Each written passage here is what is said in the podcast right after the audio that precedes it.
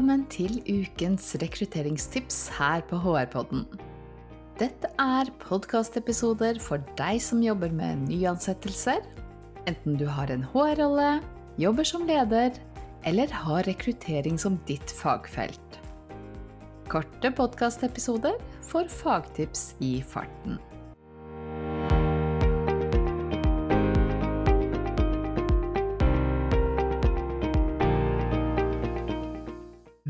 Velkommen til ukens rekrutteringstips med meg, Annelise Heide, og for øyeblikket ingen andre gjester. Men jeg får podbesøk igjen veldig snart. I dagens soloepisode så skal jeg snakke om de kompetansebaserte spørsmålene som jeg og Kristin har nevnt noen ganger tidligere. Og i løpet av episoden så får du lære hva det er, og hvordan du kan lage sånne spørsmål selv og du får noen praktiske eksempler til inspirasjon og fri bruk om disse spørsmålene måtte passe for noen av dine prosesser. Men først, hva er et kompetansebasert spørsmål? Enkelt forklart så er det et intervjuspørsmål som hjelper deg til å forstå hvordan en kandidat har opptrådt i en gitt situasjon i sin tidligere eller nåværende jobb. Et eksempel på et sånt spørsmål kan være kan du fortelle om sist du var i en situasjon med spesielt høyt arbeidspress? Og den grunnleggende tanken bak dette kompetansebaserte spørsmålet er at tidligere atferd kan hjelpe deg til å predikere fremtidig atferd.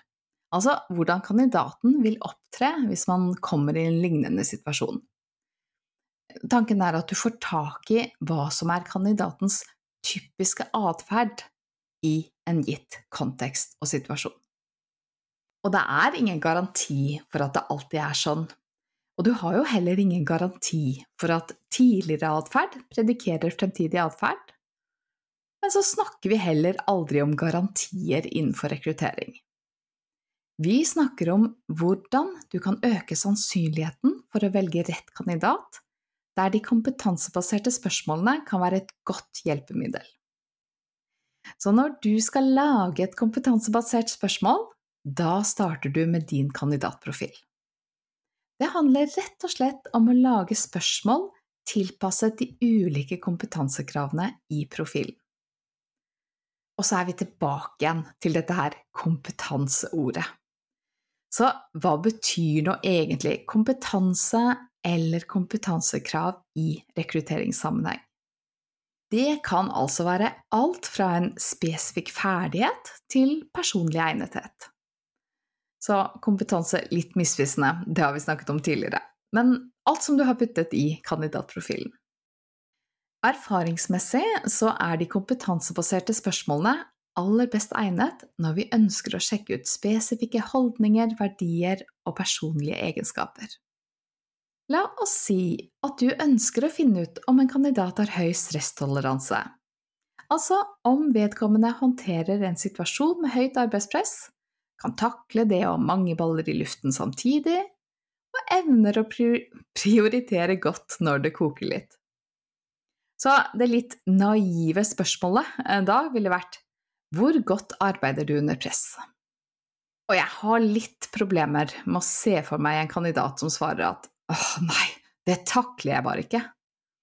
De fleste vil jo ganske enkelt si at ja, nei, det håndterer jeg fint, eh, og så er du i grunnen like langt fordi alle kandidater vil si at de håndterer det fint, og hvordan skal du egentlig vite om det stemmer? Kanskje kandidaten gir deg et godt eksempel, altså supplerer med en historie som viser hvordan man har taklet en tilsvarende situasjon tidligere. Eh, og hvis kandidaten ikke gir deg et eksempel, så kan du jo spørre om et, sånn at du får litt mer informasjon enn 'det går fint', og da bruker vi altså oppfølgingsspørsmål. Men jeg syns mange ganger at et kompetansebasert spørsmål er et enda bedre alternativ, og da er vi tilbake til det spørsmålet jeg akkurat ga som eksempel. Kan du fortelle om sist du var i en situasjon med spesielt høyt arbeidspress? Som er et eksempel på et kompetansebasert eh, spørsmål i den situasjonen. Det kan være mange andre varianter. Eh, vi skal komme litt mer tilbake til hvordan du formulerer og hvordan du lager disse spørsmålene. Men la oss si at du stiller det spørsmålet. Kan du fortelle om sist du var i en situasjon med spesielt høyt arbeidspress? Og så bør du på forhånd ha tenkt ut hva som er formålet med dette spørsmålet. Hva er du egentlig ute etter? Hva vil være et godt svar på spørsmålet, altså tegn på en bra kandidat? Eh, og hva er eventuelt et dårlig svar? Så i akkurat dette eksempelet så får du kanskje også vite noe om hva kandidaten opplever som stressende. Så du kan se for deg at den historien i seg selv, den kan kanskje si noe om kandidatens stresstoleranse, og hvor mye som skal til for at man syns det er stressende. I tillegg så får du vite noe om hvordan kandidaten håndterer den situasjonen, altså du får kanskje vite litt om hvor robust han er, hva slags mestringsstrategier kandidaten bruker, om vedkommende involverer sin leder for å prøve å finne ut hvordan skal vi prioritere i denne situasjonen. Altså du lærer noe om de strategiene kandidaten naturlig eh, vil bruke når man kommer opp i en krevende arbeidssituasjon. Hvis du vet hva du er ute etter å lære om denne kandidaten, så er det også enklere å stille gode oppfølgingsspørsmål. Så når kandidaten forteller sin lille historie, så kan du sjekke ut hva som var bakgrunnen for hendelsen, hvordan kandidaten håndterte situasjonen, hva ble resultatet, osv. Og mange liker å bruke en bestemt struktur for oppfølgingsspørsmål, og sverger f.eks. til STAR-teknikken. Og STAR, um, teknikk for oppfølgingsspørsmål, det står for situation, uh, task, action og result. Og denne teknikken den hjelper deg med å grave dypere inn i kandidatens svar for å, et, for å få et komplett bilde, altså en fullstendig forståelse av deres erfaring, deres kompetanse, deres håndtering av en gitt situasjon. Så det starter med situation. Du ber kandidaten beskrive en spesifikk hendelse eller situasjon, og gjerne beskrive bakgrunnen eh, for denne hendelsen. I task så undersøker du den bestemte utfordringen eller oppgaven som kandidaten måtte løse. I action så finner du ut hva kandidaten gjorde for å løse situasjonen, eh, og så går du videre til result og undersøker hva blir resultatet. Du kan gjerne også spørre om hva lærte du fra dette, hva tok du med deg fra denne hendelsen, eller kanskje hva ville du gjort annerledes om du hadde kommet i en tilsvarende situasjon igjen? Så poenget med oppfølgingsspørsmål, og også task-teknikken som sådan, er egentlig bare å bli godt kjent med kandidaten og finne ut hva som er vedkommende sin typiske atferd i en gitt situasjon. Og så bruker vi åpne spørsmål for å forstå mer. Så da har vi snakket om hva et kompetansebasert spørsmål er, og hvordan bruke det. Og i tillegg så har du fått noen tips eh, til dette med oppfølgingsspørsmål. Så avslutningsvis så har jeg lyst til å si noe om hvordan du kan lage dine egne spørsmål. Start med kandidatprofilen. Finn det kompetansekravet som du vil vurdere. La oss si at du har valgt ut et kompetansekrav som heter gode samarbeidsevner fra din profil. Da ville jeg startet med å definere hva innebærer det i praksis. Hva mener du egentlig med gode samarbeidsevner i denne settingen? Og i hvilke situasjoner fra arbeidshverdagen vil du merke forskjell på en god og en litt mindre god kandidat når det gjelder samarbeid? Forsøk å identifisere situasjoner fra arbeidshverdagen der denne egenskapen vil være spesielt fremtredende.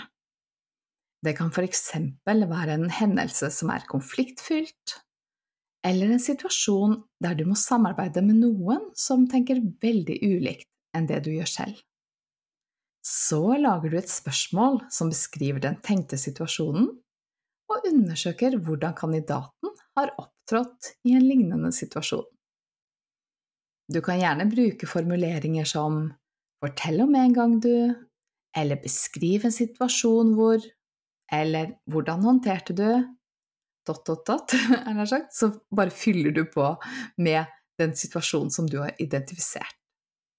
Eh, I dette her samarbeidsspørsmålet, da, hvis det er det vi skal ta for oss, så kan du f.eks. be kandidaten beskrive en gang man var involvert i en konflikt.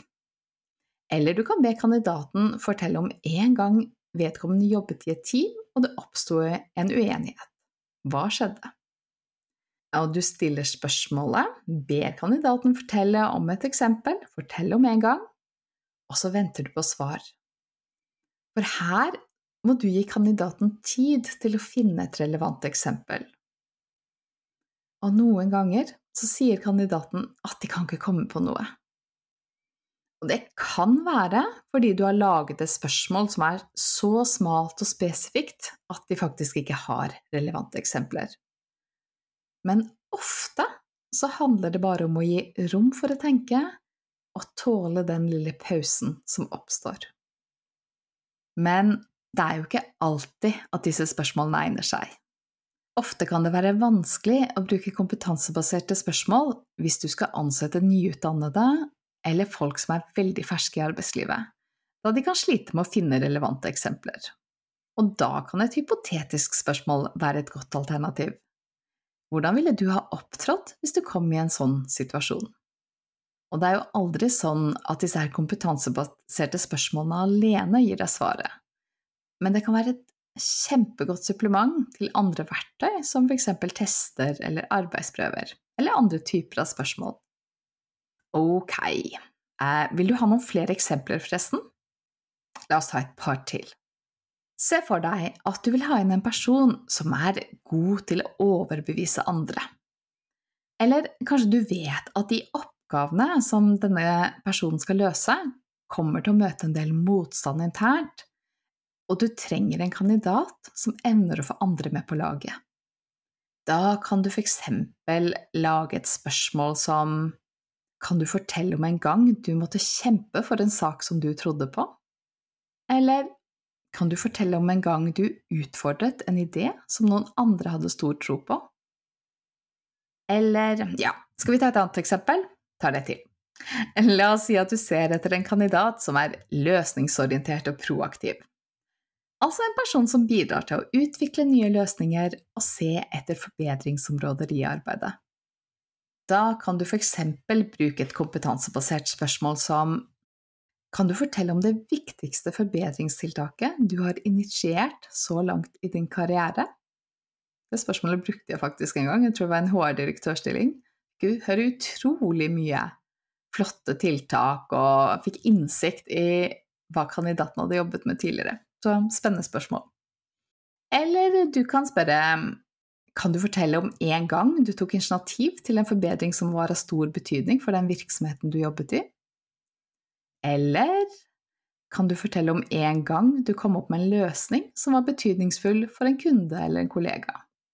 Så da har vi tatt noen eksempler, bare du, sånn at du får høre noen varianter av disse kompetansebaserte spørsmålene.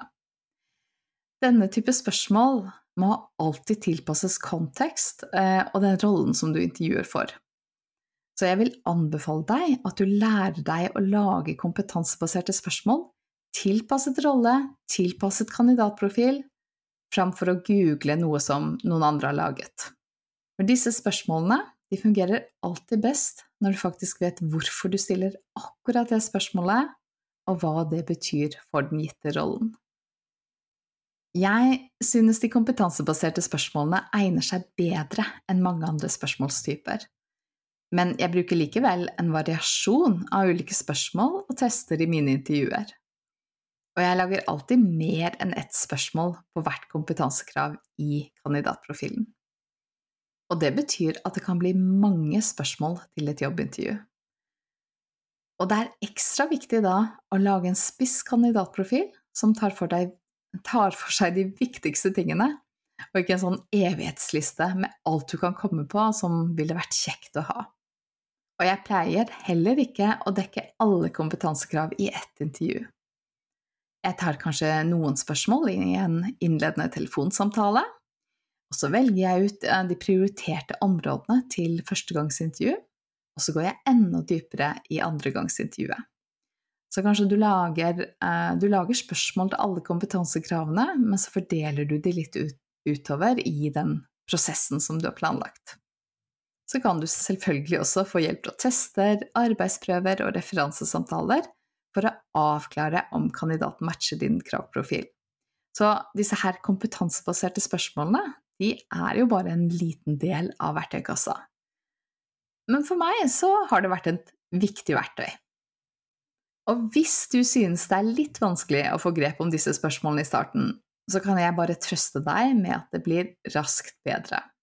Husk bare at du må lage spørsmålene i forkant, og du trenger en god intervjuguide. Dette her er ikke sånne spørsmål som du bare lager i farten under intervjuet.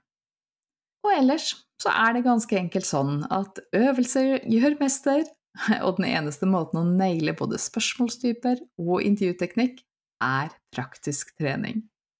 Masse lykke til!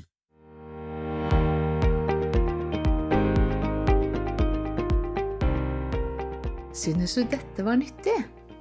Serien med rekrutteringstips på HR-podden den startet i mai 2023, og vi nærmer oss nå slutten. Bare noen få uker igjen. Pass på at du også får med deg tidligere episoder spilt inn sammen med min podkastmakker Kristin Vestreng Aas. Og husk at HR-podden kommer ut med en ny og spennende episode hver onsdag. Vi høres!